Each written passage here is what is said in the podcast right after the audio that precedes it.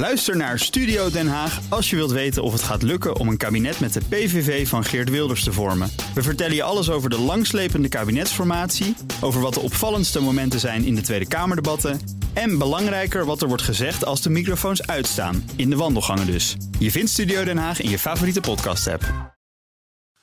Volgens een oud gezegde is politiek showbiz voor lelijke mensen. Logischerwijs voelde ik me daarom enorm toe aangetrokken. Vanaf een jaar of 18 begon ik de situatie in Nederland en Amerika actief te volgen. In die tijd had je het in de VS over mensen als Barack Obama, John McCain, Hillary Clinton. Hier in Nederland hadden we André Rauwvoet, Jan-Peter Balkenende en Henk Kamp. Hoewel de, het Amerikaanse congres een invloed op mijn leven heeft die zeer gering was, heeft het een onweerstaanbare aantrekkingskracht. Qua beleving is het verschil tussen het Capitool en de Tweede Kamer alsof je de Super Bowl vergelijkt met het NK Spijkerpoepen.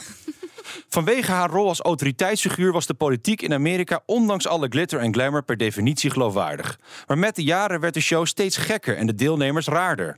Om de bijrollen van toen, types als Sarah Palin, konden we smakelijk lachen. Maar vandaag de dag zijn mensen van dat kaliber de hoofdrolspelers. Het werd daarom steeds moeilijker om Amerika te blijven zien als een onberispelijke vaderfiguur. Alsof je stiekem hebt gezien dat Sinterklaas met een blik bier in zijn hand tegen een boom staat te pissen. Het dieptepunt kwam afgelopen week. Een serie foto's uit de gevangenis in Georgia, waar voormalig president Donald Trump en zijn handlangers werden ingerekend vanwege verkiezingsfraude. De mugshot, mugshot, zoals die foto's heten, schetsen een nogal treurig beeld. Ze hebben minder weg van een geraffineerde groep meesteroplichters dan een stel B-acteurs uit een seniorenmusical. En ondanks dat blijft een grote groep mensen hem onvoorwaardelijk steunen. Je krijgt weemoed naar de tijd dat politici doodzaaie mensen waren die gewoon hun werk deden. Hoe we die geest weer in de fles krijgen, dat weet ik ook niet. Maar om niet moedeloos te worden, eindig ik deze week met goed nieuws. De takahe, een loopvogel uit Nieuw-Zeeland. 100 jaar dacht men dat hij was uitgestorven, maar dat bleek niet zo te zijn. Dus bedachten de mensen al daar een plan om ervoor te zorgen dat er nog meer kwamen. En dat werkt. Geen polarisatie, geen complotten. Het World Economic Forum komt er niet aan te pas. Google hem maar, de takahe. Misschien zie jij niets meer dan een opgevoerde dodo, maar ik zie een wandelend monument dat er ergens op aarde nog mensen zijn die gewoon normaal doen.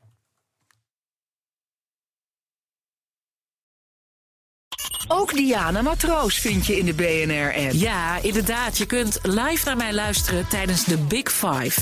Ook handig in de BNR-app. Breaking nieuwsmeldingen, maar ook het allerlaatste zakelijke nieuws. En je vindt in de app alle BNR-podcasts, waaronder Wetenschap Vandaag. Download nu de gratis BNR-app en blijf scherp.